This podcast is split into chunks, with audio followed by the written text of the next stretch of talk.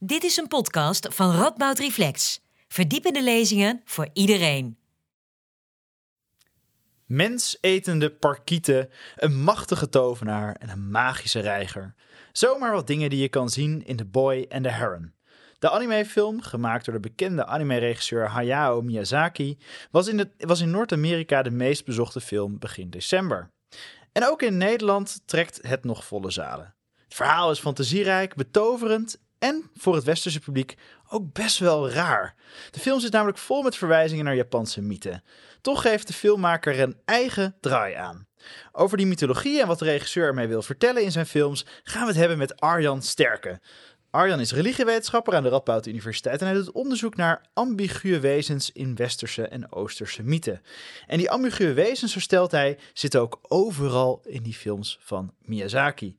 Ik ben Adriaan Duifman, programmamaker voor- Radboud Reflex en ook een beetje Miyazaki-film. Eh, sorry, Miyazaki-film, Miyazaki-fan. Ehm, Arjan, je bent eigenlijk ook Miyazaki-fan. Ja, natuurlijk. Ik bedoel, dat kan toch bijna niet anders. Wat, het zijn fantastische films die hij maakt. Met, nou, zeker voor degenen die een beetje bekend zijn met Aziatische cultuur, vol met fantastische verwijzingen. Dus het kan haast niet anders. En verwijzingen naar waarnaar dan? Nou, echt allerlei verschillende dingen. Dus je hebt het al genoemd, de verwijzingen naar Japanse mythologie, maar ook eh, Japanse geschiedenis, ehm, bredere Aziatische cultuur, eh, religie, filosofie, noem maar op. Dus je komt overal tegen. En je bent religiewetenschapper. Hoe, hoe kijk je als religiewetenschapper zo'n animefilm?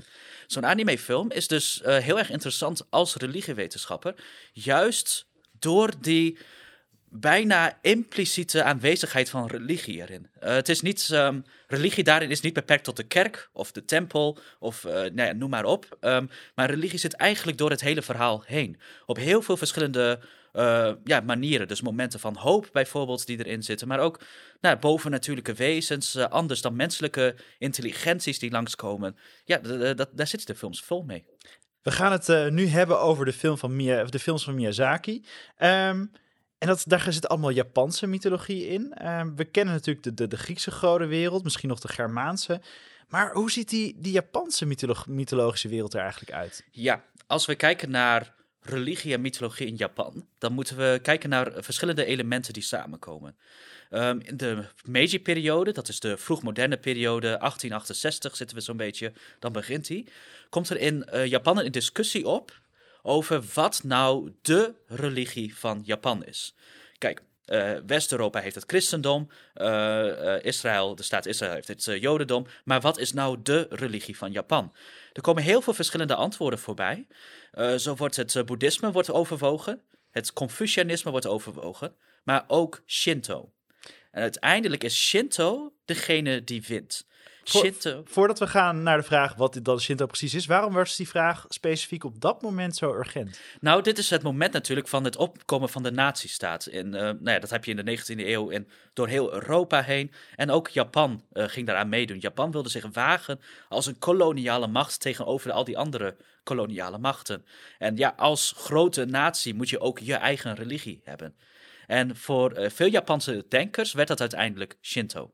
En wa- wat is dat Shinto precies? Nou, dat Shinto is de religie van de Kami.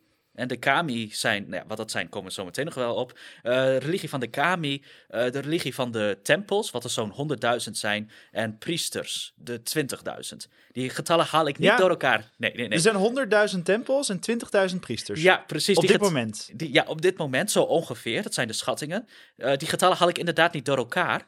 Wat je op een gegeven moment krijgt, is dat Shinto heel erg in verval raakt. Ehm, en heel veel tempels moeten voor zichzelf gaan vechten. En eh, tegenwoordig zijn er dus zo'n 100.000 tempels over en maar 20.000 priesters. Waarbij de verdeling nog steeds heel oneerlijk is. Dat sommige tempels hebben 200 priesters. En ja, soms op het platteland moeten we 50 tempels moeten doen met één priester. Dus eh, dat soort ongelijke situaties kom je heel vaak tegen eh, binnen Shinto. En, en wat doen die priesters in zo'n tempel dan? Priesters en nou ja, Shinto-tempels en priesters in het algemeen hebben voornamelijk een rituele functie. Zij moeten rituelen doen. Eh, dat kunnen dus rituelen zijn die te maken hebben met de keizerlijke cultus. Eh, die is wat afgebouwd na de Tweede Wereldoorlog. Ehm, maar eh, nou ja, goed, dus keizerlijke cultus, familie, ja, rituelen in familieverband. ehm, bijvoorbeeld naamgevingsceremonies, ceremonies rondom de geboorte. ehm, en grote festivals. Dus nieuwjaar, dat soort festivals komen ook heel vaak voorbij. En centraal zijn dus de kami, je noemde ze net al. Wat, wat zijn die kami precies? Die kami, dat zijn. ehm, ze worden heel vaak vertaald als goden.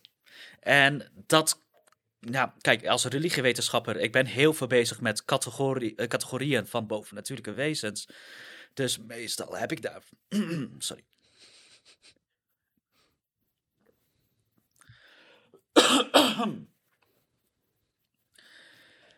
Die kami, die worden meestal eh, vertaald als goden. Nu ben ik als religiewetenschapper zelf veel bezig met categorieën van bovennatuurlijke wezens. En ja, die vertalingen, ja, die, die, die, lopen altijd een beetje scheef. In het geval van Kami vind ik vertaling als God best wel goed.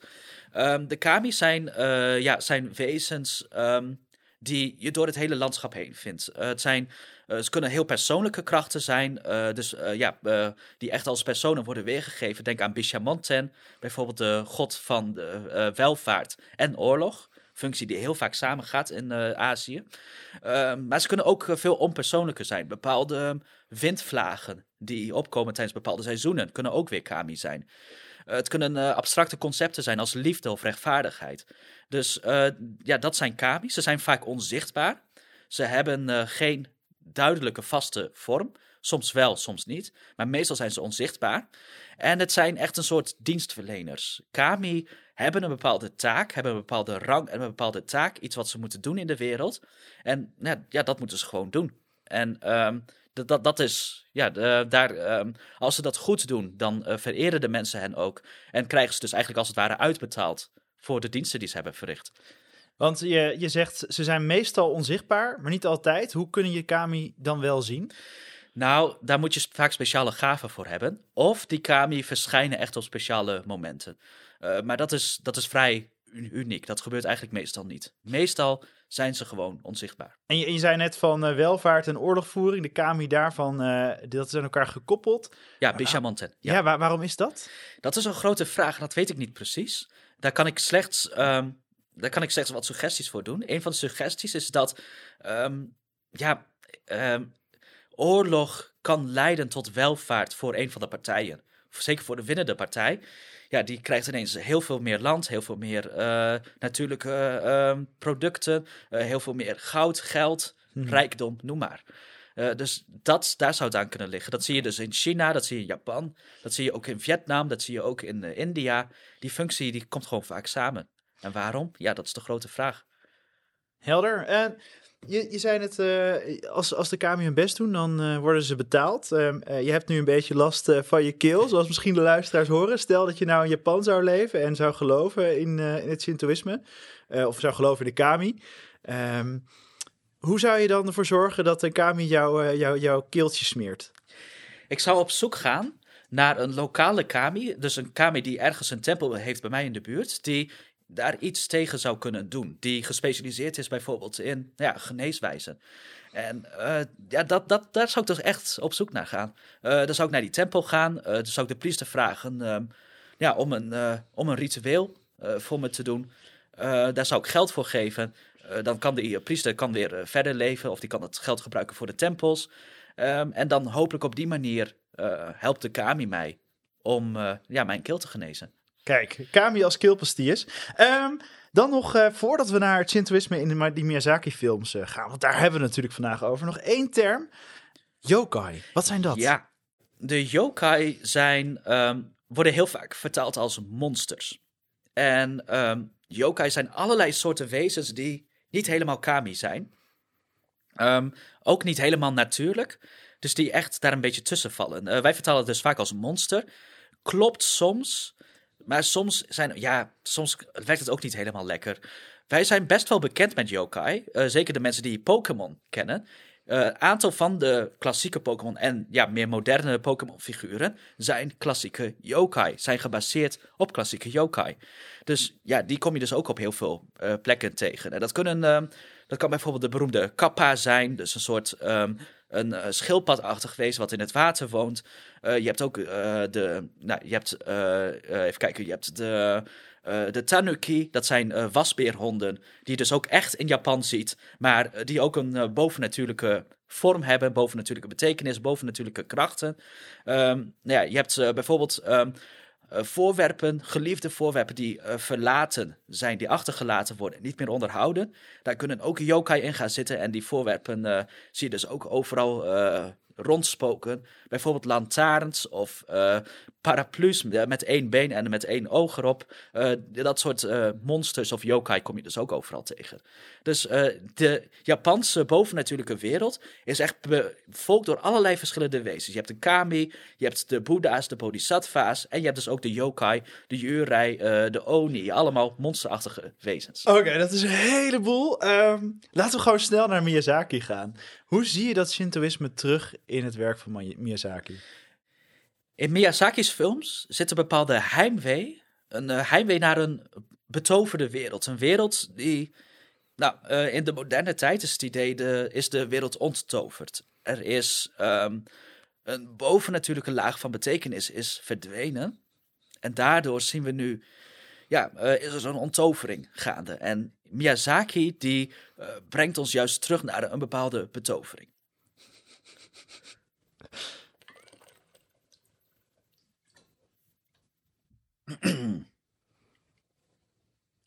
En ehm, ja, Miyazaki gebruikt eigenlijk, ehm, ja, die koppelt twee dingen aan elkaar die in Japan heel vaak aan elkaar worden gekoppeld. Namelijk de, nou, de onttovering die in de gang is gezet door het eh, ja, minder belangrijk worden van Shinto. En eh, de, eh, ja, eenzelfde soort onttovering die te maken heeft met de afbraak van de natuurlijke ruimte. Nou, hoe zit dit? Ehm, Shinto werd dus de staatsreligie van Japan en werd verbonden aan de keizercultus. Dus de keizercultus werd heel erg belangrijk in die Meiji-periode. Ehm, en, ehm, ja, en Shinto eh, ja, voerde de keizerlijke rituelen uit. Nou, eind van de Tweede Wereldoorlog is Shinto dus ineens een heel erg verdachte religie. Zeker de Amerikaanse bezetting, die had niks op met Shinto. Die dacht, dat is de, eh, ja, dat is de cultus die heeft gezorgd dat Japan allerlei oorlogsmisdaden is begaan. En daar moeten we dus tegen strijden. Dat, moeten we, eh, dat, dat, moet weg. Dus de Japanse overheid stopt met het financieren van de Shinto-tempels. Nou, sommige tempels maakt dat niet heel veel uit. Die krijgen genoeg financiën vanuit eh, andere middelen. Dus ja, daar gaat het eigenlijk best goed mee. Maar heel veel andere tempels, ja, die eh, komen ineens zonder geld te zitten. Uh, daar heb je ineens uh, op het platteland 50 tempels uh, waar geen geld meer voor is. En dat je dus nog geluk hebt als er één priester is die je rondtrekt tussen al die tempels om alles maar een beetje te onderhouden. Nou, dat levert dus hele lastige situaties op. Om dan toch aan geld te komen, verkopen heel veel Shinto-eigendommen het heilige bos wat klassiek rondom de Shinto-tempel zit. Nou, en hier krijg je dus een paar dingen die bij elkaar komen. Dat bos wordt verkocht. Uh, daar worden dan uh, allerlei nieuwbouwprojecten, uh, wegen worden aangelegd, huizen worden aangelegd op die plekken. dus je hebt een modernisatie, modernisering, die eigenlijk in de plaats komt van de klassieke natuur rondom de Shinto-tempels. En tegelijkertijd verdwijnt dus het belang van Shinto in de publieke ruimte. Het mag geen staatscultus meer zijn, veel tempels verdwijnen ook, veel priesters verdwijnen. Nou ja, en dat, die twee worden door heel veel Japanners dus heel erg sterk met elkaar verbonden. Verdwijnen van Shinto en verdwijnen van natuur is eigenlijk één en hetzelfde ding. Gebeuren op hetzelfde moment.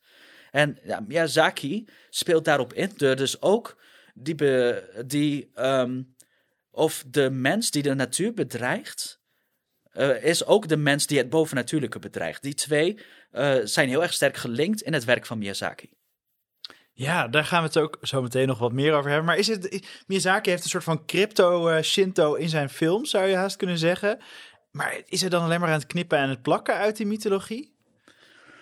Nou, je ziet allerlei verwijzingen uh, die, het, ja, die, ja, die gaan over allerlei klassieke uh, Japanse figuren uit klassieke mythologie. Um, ja, tegelijkertijd, uh, dus dat, dat kunnen heel vaste traditionele vormen zijn, maar tegelijkertijd, ja, je komt ook allerlei fantastische figuren tegen die ja, niet 1, 2, 3 terug te herleiden zijn naar een specifieke bron van Japanse mythologie.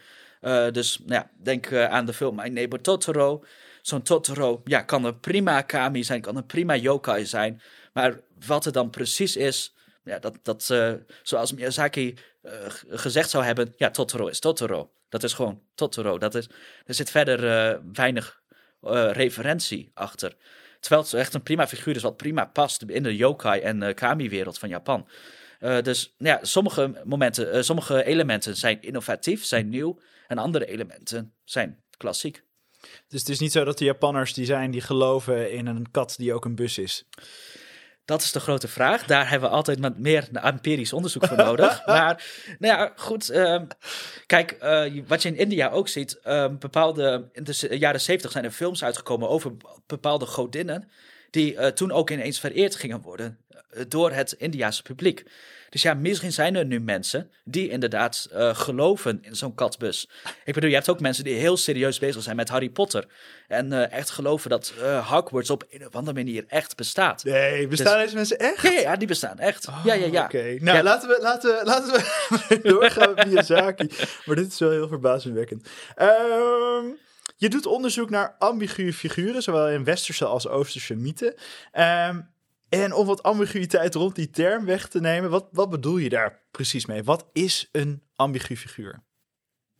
Een ambigu figuur is een figuur wat op een bepaalde manier onbepaald is. Nou, maakt het niet heel veel helderder. Um, kijk, uh, we zijn in het Westen heel erg um, gewend om te denken over het bovennatuurlijke als of goed of kwaad. Engelen zijn goed, demonen zijn kwaad. Nou, heel duidelijk onderscheid. Grote probleem is, op heel veel plekken in de wereld werkt dat heel erg anders. Daar zijn bovennatuurlijke wezens zijn vooral wezens die krachten hebben die mensen niet hebben. En dan is het nog maar de vraag of ze je helpen of dat ze je pijn willen doen. En dat, daar zit dus de ambiguïteit in. Je weet niet precies wat je nou met zo'n wezen moet doen. Je weet niet precies als je een bovennatuurlijk wezen tegenkomt, of het nou echt een mens is of toch een ander soort wezen. Je weet niet of ze goed zijn of kwaad zijn, of ze je helpen of niet. Um, dus dat soort ambiguïteiten kom je heel veel tegen bij bovennatuurlijke wezens. En dat is uh, waar ik onderzoek naar doe. Er zijn er luisteraars die de film uh, The Boy and the Heron al gezien hebben, misschien ook luisteraars die dat niet hebben gedaan. Um, maar kun je een, voorbeeld noemen van uh, een karakter uit The Boy and the Heron die echt helemaal past in dat idee van een ambigu figuur. De Heron, de reiger zelf, is sowieso echt een fantastisch figuur. Hoe deze geïntroduceerd wordt in die eerste 20 minuten van de film is echt fantastisch. Oh, heerlijk. Um, maar dat is dus echt, dat is echt zo'n ambigu figuur. Dat, daar zit je echt in de goede richting te denken. En, en even zonder te spoilen, en dit wordt heel lastig. Um, maar hoe is de reiger ambigu? De reiger is ambigu omdat het onduidelijk is, en eigenlijk ook wel blijft, of die reiger nou meer dreiging of meer hulp is. Of die uh, Mahito, de hoofdpersoon, of die die nou meer helpt, of eigenlijk meer een bedreiging is voor die hoofdpersoon. Dat wordt misschien een beetje opgelost aan het eind van de film, maar voor een heel lange tijd blijft dat eigenlijk best wel onduidelijk. Dus daarin zit heel veel ambiguïteit. Dit is een heel goed spoilervrij antwoord. Er is ook iets volgens mij met, het, met, met die, die reiger dat hij zo um, enerzijds dier, anderzijds menselijk. Ja, dus dat zit er ook in. Je weet eigenlijk niet precies wat hij nou is, welk van de twee die is. Dus dat, dat is ook een vorm van ambiguïteit, categoriale ambiguïteit. Je weet niet of het een mens is of een dier. Ja. En als we nou uh, naar, de, naar al die Miyazaki-films, zoals je hebt uh, voor dit uh, interview, heb je alle films nog een keer gekeken? Nou, niet alle films, nee, maar een heel groot deel. Een groot gedeelte, ja. wat we ontzettend waarderen natuurlijk. Um, je hebt een aantal ambiguïteiten gevonden. Kun je er een aantal opsommen? Ja, inderdaad. Um, dus ambiguïteiten die je in Miyazaki's films vaak tegenkomt, is um, ja, goed versus kwaad, natuur versus mens, collectief versus individu. En zeker voor deze laatste film, leven versus dood. Ja, we gaan, we gaan ze gewoon even snel af. Um, ambiguïteit nummer 1. Uh, eh, laten we eerst even beginnen met natuur en mens. Um, je had het net al even over de rol van de natuur in de Miyazaki. Uh, dat, dat natuur voor Miyazaki heel belangrijk is. Wat voor rol speelt natuur in die films? Nou, ik heb, ik heb het dus al eerder over gehad. Dus um, dat natuur, de, afgang van, de afname van natuur en de afname van Shinto worden in Japan dus heel erg sterk met elkaar verbonden. Um, en dat zie je dus. Um, ja, en Miyazaki die wil terug naar een soort hertovering. Waarbij mensen dus aan de ene kant weer in contact staan met die bovennatuur. Maar in Miyazaki's film is die bovennatuur en de natuur zijn vrijwel één en hetzelfde ding. En dus uh, contact met de bovennatuur is tegelijkertijd ook weer contact met de natuur. Uh, dus dat zie je heel sterk terug. Um, misschien een heel ja, een sterk voorbeeld is uh, Prinses Mononoke. Waar dus ja, het, het woud van de hertenkoning de plek is die nou ja, beschermd moet worden. Tegelijkertijd um, deels wordt geïnvadeerd door mensen die bezig zijn met ja, met, ja, met industrialisatie, die juist technologisch verder willen komen. En uh, ja, dat, dat het eigenlijk, nou, dat het tussen die twee niet zo heel goed strookt. Aan, de andere kant ook Prinses Mononoke en anderen zijn die juist veel meer aangetrokken voelen tot die natuur. Dus daar, nou ja, dat is dus een van de dingen waar Miyazaki heel erg mee speelt. Hoe verhoudt zich dat onderscheid tussen mens en natuur? Is dat altijd een heel sterk onderscheid of kan het veel meer fluide zijn? En, en je zei eerder um, uh, dat Miyazaki nostalgisch is, dat er nostalgie uit zijn film spreekt, nostalgie naar die meer natuurlijkere wereld. Is de natuur in die films alleen maar goed? Nee, die natuur is juist ook weer heel erg ambigu. Uh, die natuur die kan enorm gevaarlijk zijn. Daarin kom je, nou ja, daarin kom je kami tegen. Dus zoals uh, de, de, ja, de hert kami die uh, in, in Mononoke zit. En wat, je, wat je dus daar heel sterk ziet is dat dat is helemaal... Nou, de, de, die, herten, die hertenkami, dit is ook een figuur die heerst over zowel leven als dood. Dus die, uh, ja, die uh, heerst over eigenlijk allebei die dingen. En de natuur kan levensscheppend zijn, maar het kan ook levenafnemend zijn. Het is een, gewoon een heel gevaarlijke plek ook. Het is niet alleen maar een plek van uh, fijne wandelingen, lieflijke vlinders enzovoort. Het is ook de natuur van nou ja, de wolven, de um, ja, dingen die je op willen eten, een gevaarlijke nacht enzovoort. Dus er zit ook heel veel gevaar in de natuur. Zou je zeggen dat de natuurbeleving van Japanners um, anders is dan de natuurbeleving van. Ja, dat is een rare categorie misschien, een heel essentialistisch, maar toch de westerling tussen aanhalingstekens? Ik denk, als we zouden zeggen, als, kijk, als we, als we dat nog weer inzoomen naar Nederlanders, dan denk ik dat heel veel Nederlanders een andere beleving van natuur hebben dan Japanners. Bij ons is heel veel natuur heel strak geregeld. We hebben de Veluwe bijvoorbeeld, uh, ons grootste uh, natuurpark, maar dat is eigenlijk, wordt allemaal onderhouden door mensen. Dat is, uh, ja, zijn allerlei paden doorheen, is allemaal heel strak onderhouden. Echt wilde natuur kennen we in eigenlijk heel West-Europa niet. Dat is allemaal door mensen onderhouden. Terwijl in Japan, nou ja, in Japan, uh, ja, er zijn stukken op het platteland die ook heel erg onderhouden zijn, maar ook hele stukken die echt nog vrij wild zijn. En dat, um, daardoor hebben de Japanners toch echt een ander soort beleving van de natuur. De natuur is niet alleen gecontroleerd en niet alleen voor, uh, ja, voor uh, uitstapjes op zondag, wanneer je even lekker door de natuur wil wandelen. Nee, de natuur kan ook gevaarlijk zijn. Er zitten ook beren, uh, er zitten wolven, er zitten allerlei enge wezens ook, die best gevaarlijk kunnen zijn voor mensen. Hebben ze nog wolven? Dat weet ik eigenlijk niet precies van Japan, maar er zitten wel genoeg andere is er genoeg. Uh, wij hebben tenminste wolven. Wij hebben tenminste ja, wolven. Dus ja. het, het, het, kwaad komt ook terug naar de, naar de Veluwe. Nou ja, kijk eens hoeveel, uh, hoeveel uh, conflict dat oplevert. Hoeveel ja. mensen daar wel niet tegen zijn. Dat, dat is waar. Ja. Laten we dan naar. nou, dit is mooi. Overstap naar de volgende ambiguïteit. nummer twee, goed en kwaad. In, in, veel westerse films is er heel duidelijk, zeker in van die, van die westerns, de witte hoed versus de zwarte hoed. Ja. Ehm, dat zit niet zo in de Miyazaki-films, betoog jij. Waarom? Nou, ik denk, um, wat ik een paar keer heb opgemerkt in Miyazaki-films, is dat eerst um, aan het begin van de film kunnen twee partijen zijn die echt tegenover elkaar staan, die aan het eind dan toch samen, samenkomen om, nou ja, om, het, uh, nou ja, om het kwaad te bestrijden, of in elk geval om de grote tegenstander te verslaan. Maar tegelijkertijd, die grote tegenstander is niet zo'n grote tegenstander als we vaak denken. Um, juist heel vaak wat ik merk in Miyazaki-films is dat het heel lastig is om te kiezen eh, om echt een van de partijen echt helemaal uit te sluiten. Je kan wel zeggen van ja, deze optie, bijvoorbeeld de optie die meer opkomt voor uh, de hertenkami, prefereer ik meer dan degene, eh, dan de optie waarbij het eh, alleen maar gaat om industrialisatie.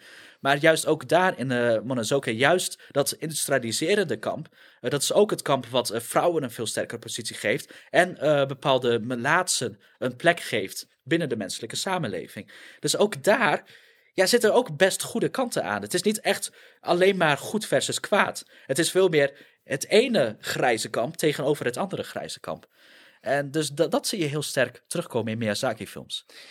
En dan ook hier de vraag: is dat want ik, ik zie dat heus wel met Disney-films en zo. Uh, dat daar echt goed en kwaad uh, duidelijk tegenover elkaar staat. Alhoewel je zou kunnen zeggen dat bij Frozen dat alweer ingewikkelder wordt. Uh, maar uh, toch bij heel veel andere, ehm, tussen aanhalingstekens, volwassene films in het Westen. En series zie je toch ook wel die morele ambiguïteit. Bijvoorbeeld zo'n karakter als Dexter of zo, die een seriemoordenaar is, maar die dan wel het goede doet of zo. Um, daar zit toch ook die morele ambiguïteit. Het is toch niet per se Japans? Nee, het is niet per se Japans. Maar in westerse media is dat vrij nieuw. Kijk, je hebt um, eigenlijk, ja, ja, vanaf Hollywood heb je heel lang dat heel klassieke goed versus kwaad uh, verhaal gehad. Um, nou, en uh, dat zie je ook terug in allerlei horrorfilms bijvoorbeeld. Maar het lijkt vanaf de jaren negentig, lijkt daar een verandering in gaande te zijn. Dat juist dan uh, worden monsters bijvoorbeeld in horrorfilms juist veel ambiguur. Wordt het veel lastiger om te bepalen of ze nou goed zijn of slecht, of dat het veel meer, ja, eigenlijk veel meer grijze figuren zijn. Dus ja, dat zie je tegenwoordig ook juist terug in allerlei westerse media. Maar dat is dus een relatief nieuw verschijnsel. En de Japanners hadden dat al langer door, dat, dat er een grijzer gebied is tussen goed en kwaad. Nou ja, of in elk geval, de Japanners die, uh, zijn het meer gewend om dat aan te geven in hun media ook dat, uh, dat die grijsheid bestaat. Ja. Kun je een verklaring geven voor die uh, sensitiviteit? Nee, dat, zou, dat, zou, dat, dat weet ik eigenlijk niet precies. Misschien heeft het uh, te maken met het schuldgevoel van Japan zelf. Als aan de ene kant een groots rijk tegelijkertijd heeft ook oorlogsmisdaden begaan. En is daarvoor gestraft ook met de twee atoombommen en de Amerikaanse bezetting. Dus ja, misschien is het die dubbelheid. Mm -hmm ja, misschien dat het daardoor uh, wat meecijpelt. Ja, uh, maar ik weet niet of dat de juiste verklaring ervoor is. Ik, uh, ook hier is gewoon meer onderzoek voor nodig. Kijk, nou ja, je geeft jezelf goed werk zo. um, laten we dan door naar ambiguïteit nummer drie. Individu en, en groep. Ja, ik, ik, ik zit dan toch te denken. Hè. Ik even kijken naar de, de cinematografie van, van uh, Miyazaki en van Studio Ghibli. Dus de studio achter de films van uh, Miyazaki. Uh, Nausicaa, Mononoke, Kiki, Ponyo. Al die films draaien toch heel duidelijk om één karakter, om één individuutje. Op het eerste gezicht inderdaad wel. Tegelijkertijd, die karakters redden het eigenlijk nooit in een eentje. Er moeten altijd. Um, kijk, in Japan is het een um, groot cultureel goed dat um, als individu doe je er weinig toe, maar vooral in een collectief verband, daarin ben je echt belangrijk. En dat zie je dus eigenlijk ook terug in heel veel Japanse media. Als je twee groepen over elkaar, tegenover elkaar hebt staan en dan bedenkt de, de grootste held van de ene groep, ja, ik ga zelf alleen het kwaad proberen te verslaan, dan lukt het nooit. Pas als de handlangers erbij komen, als de hele groep tegen dat kwaad gaat strijden, dan pas komt het goed. En dat zie je dus eigenlijk ook in Miyazaki en ja, in Studio Ghibli films in het algemeen. Zie je dat eigenlijk steeds terugkomen. Dat, ja, hoewel er één duidelijk hoofdpersoon is in The Boy and the Heron, is dat Mahito. Tegelijkertijd zijn er eigenlijk heel weinig scènes waarin hij alleen is. En eigenlijk alle belangrijke dingen die hij doet, is hij eigenlijk altijd samen met iemand die hem daarbij helpt. Dus ja, um, er is een soort hoofdpersoon, maar die doet nooit dingen alleen. Om resultaten te krijgen moet je toch minimaal een andere persoon bij je hebben. En je zegt dat daar een ambiguïteit is, dus er is een spanning tussen individu en groep. Waar, waar zit die spanning, of een spanning, die, die nou ja, ja, toch wel iets van een spanning. Waar zit die dan in? Nou, als, als we dan specifiek over Miyazaki-films gaan hebben. Kijk, Miyazaki, uh, en dat zie je zeker heel goed terug bij The Boy and the Heron. Miyazaki zag zichzelf altijd als een soort eenling. Hij zag zichzelf als op een bepaalde manier buitengesloten van de rest van Japan. En um, zeker in de eerste 20 minuten van deze film ga je dat ook echt uh, zien. Dat um, Mahito, wat een soort reflectie is van Miyazaki.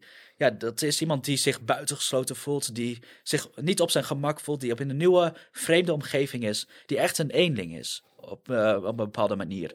En dat, ehm, ja, en dat, dat, dat is dus eigenlijk een beetje het vreemde van Miyazaki. Dus dat Miyazaki zichzelf eigenlijk echt als een apart figuur ziet in de rest van Japan.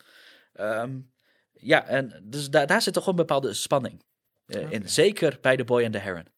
Nou, dat kunnen de mensen die het nog gaan kijken allemaal zien. En de, de, de luisteraars die het al hebben gekeken, her- zullen het herkennen. Ja. Dan gaan we naar de laatste. Deze is heel moeilijk om spoilervrij te houden, maar ga het toch proberen. Dood en leven. Ja, Kun je daar iets over zeggen hoe die in, die, in deze film terugkomt? Nou, ehm, dood en leven. In deze film, ehm, een- ja, echt een van de hoofdthema's van deze film gaat over de strijd of het verschil of de samenkomst zelfs tussen dood en leven. En in de film zijn er heel veel momenten waarop die twee bij elkaar komen. Waarbij het eigenlijk onduidelijk is wat nou precies het verschil is tussen de twee. En dat zijn, eh, dat zijn heel interessante momenten waar je als religiewetenschapper naar kan kijken, maar ook eigenlijk iedereen, omdat we allemaal te maken krijgen eh, met dood en leven. Zijn dat echt momenten ja, waar je op een andere manier naar dood en leven kan gaan kijken. Juist door die twee niet als aparte categorieën te zien, maar op een bepaalde manier heel erg sterk met elkaar verstrengeld. En dus daar zit ook weer heel veel ambiguïteit in. Kun je een voorbeeld geven van hoe dood en leven in deze film met elkaar verweven zijn? De kijker van de film en degene die hem nog gaan zien, die komen op een gegeven moment de Varavara tegen. En de Varavara, volgens mij afgeleid van het Japanse woord Vareware, wat iets als ons betekent. Dat zijn eh, wezens die moeten gebruik maken van de dood om zelf nieuw leven te creëren. Ze komen heel kort even voor. Maar daar, als, eh, als je de film gaat kijken of al hebt gezien en hem nog een keer gaat kijken, want ik heb hem zelf ook twee keer gezien en ik eh, ga hem absoluut nog een paar keer kijken, moet je daar eens op letten hoe deze wezens dood gebruiken om uiteindelijk nieuw leven voor te kunnen brengen. Dus ik denk dat, eh, dat is nog steeds niet heel erg. Het is een klein beetje gespoilerd natuurlijk, net, maar gewoon als kijkwijze kan je dat meenemen. Ja, dat lijkt me een hele goeie. Ehm, ja, om dan het. dat, we hebben dus nu die ambiguïteiten gehad. Ehm, dus natuur, mens, goed, kwaad, individu, groep, dood, leven. Kijkers kunnen dat meenemen. Ehm, is er ook een specifiek moment in deze film waar je hart als religiewetenschapper harder ging slaan? Er zijn er een paar, maar echt een van de mooiste momenten. Nou, een van de momenten die ik zelf nog het minst begrijp, is de kraamscène. Dus er is een eh, bepaalde kraamruimte. Ehm, ja, waar iets gebeurt waarbij ik. Wat als religiewetenschapper heel erg interessant eh, is. Ja, dus die kraamscène. eh, of de, de kraamruimtescène, daar gebeuren allerlei dingen met verwijzingen naar Shinto en verwijzingen naar eh exorcisme-rituelen, die heel erg interessant zijn, maar ik heb nog zelf nog niet helemaal door wat daar nou precies gebeurt. En dat is echt een van de scènes die, ja, eh, sowieso de, van de Reiger ging mijn hart al sneller kloppen. Eh, van de Wara Wara, dat was ook eh, een fantastisch moment. Maar ook die scène was echt fantastisch. Ik kan persoonlijk als niet-religiewetenschapper zeggen dat deze scène ook eindeloos in je hoofd blijft zitten. Want het is wat, wat daar ook inderdaad gebeurt. Eh daar zullen vast nog nodige academische artikelen aan worden gewijd. Want er zijn echt veel eh, wetenschappers die zich ook met die Miyazaki Ja, bezighouden. Ehm, ja, om het af te sluiten. eh, Als mensen nou deze film hebben gezien en het is hun eerste Miyazaki film en ze zijn helemaal enthousiast. ehm, wat is, jouw, eh, wat is jouw grote Miyazaki-tip? Wat is jouw lievelingsfilm? En zou je zeggen, die moet je direct erna kijken? Als je deze hebt gezien, ehm, er zijn eigenlijk drie verschillende opties, denk ik. Ehm, als je geïnteresseerd bent in het oorlogsthema, dan kan je ook naar The Wind Rises kijken. Als je daarentegen meer geïnteresseerd bent in ehm, de ambiguïteit mens-natuur, zou je Mononoke, Princess Mononoke, kunnen kijken. Als je meer geïnteresseerd bent in een spirituele wereld, dan is Spirited Away een hele goede. Ehm, ja, dus dat zijn eigenlijk de drie opties die ik eh, hier zou geven. Ja, eigenlijk de beste suggestie is gewoon, kijk ze gewoon alle drie. Ehm, maar, want ze zijn gewoon alle drie echt fantastisch. Maar ja, dat, dat, dat zijn de suggesties die ik kan geven. Ik heb zelf een enorm zwak voor Hal's Moving Castle.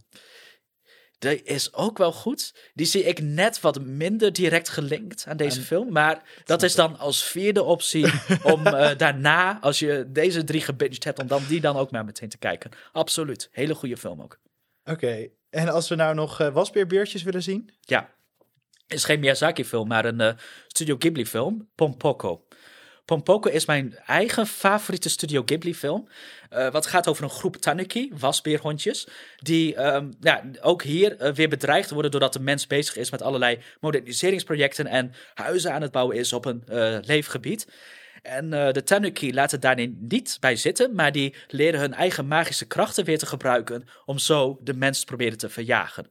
Uh, dus ook een fantastische film, vol met verwijzingen naar Japanse mythologie, cultuur, uh, media enzovoorts. Echt heel goede, leuke film. Die me ook elke keer weer aan het huilen brengt aan het eind. Maar het is echt, dat is echt mijn favoriete Studio Ghibli film. Aan het huilen zelfs. Dat ja, ja, ja. is toch uh, wasbeer uh, weer hondjes. Ja, uh, ja, absoluut, absoluut. En het, uh, ja, fantastisch. Um, laatste vraag. En dan sluiten we hem af. Dit zijn de films die je kunnen kijken. Uh, Miyazaki heeft al een paar keer afscheid genomen. Hij zou stoppen met films maken. Nou, dat is niet gelukt. Misschien uh, gaat hij er nog alleen maken.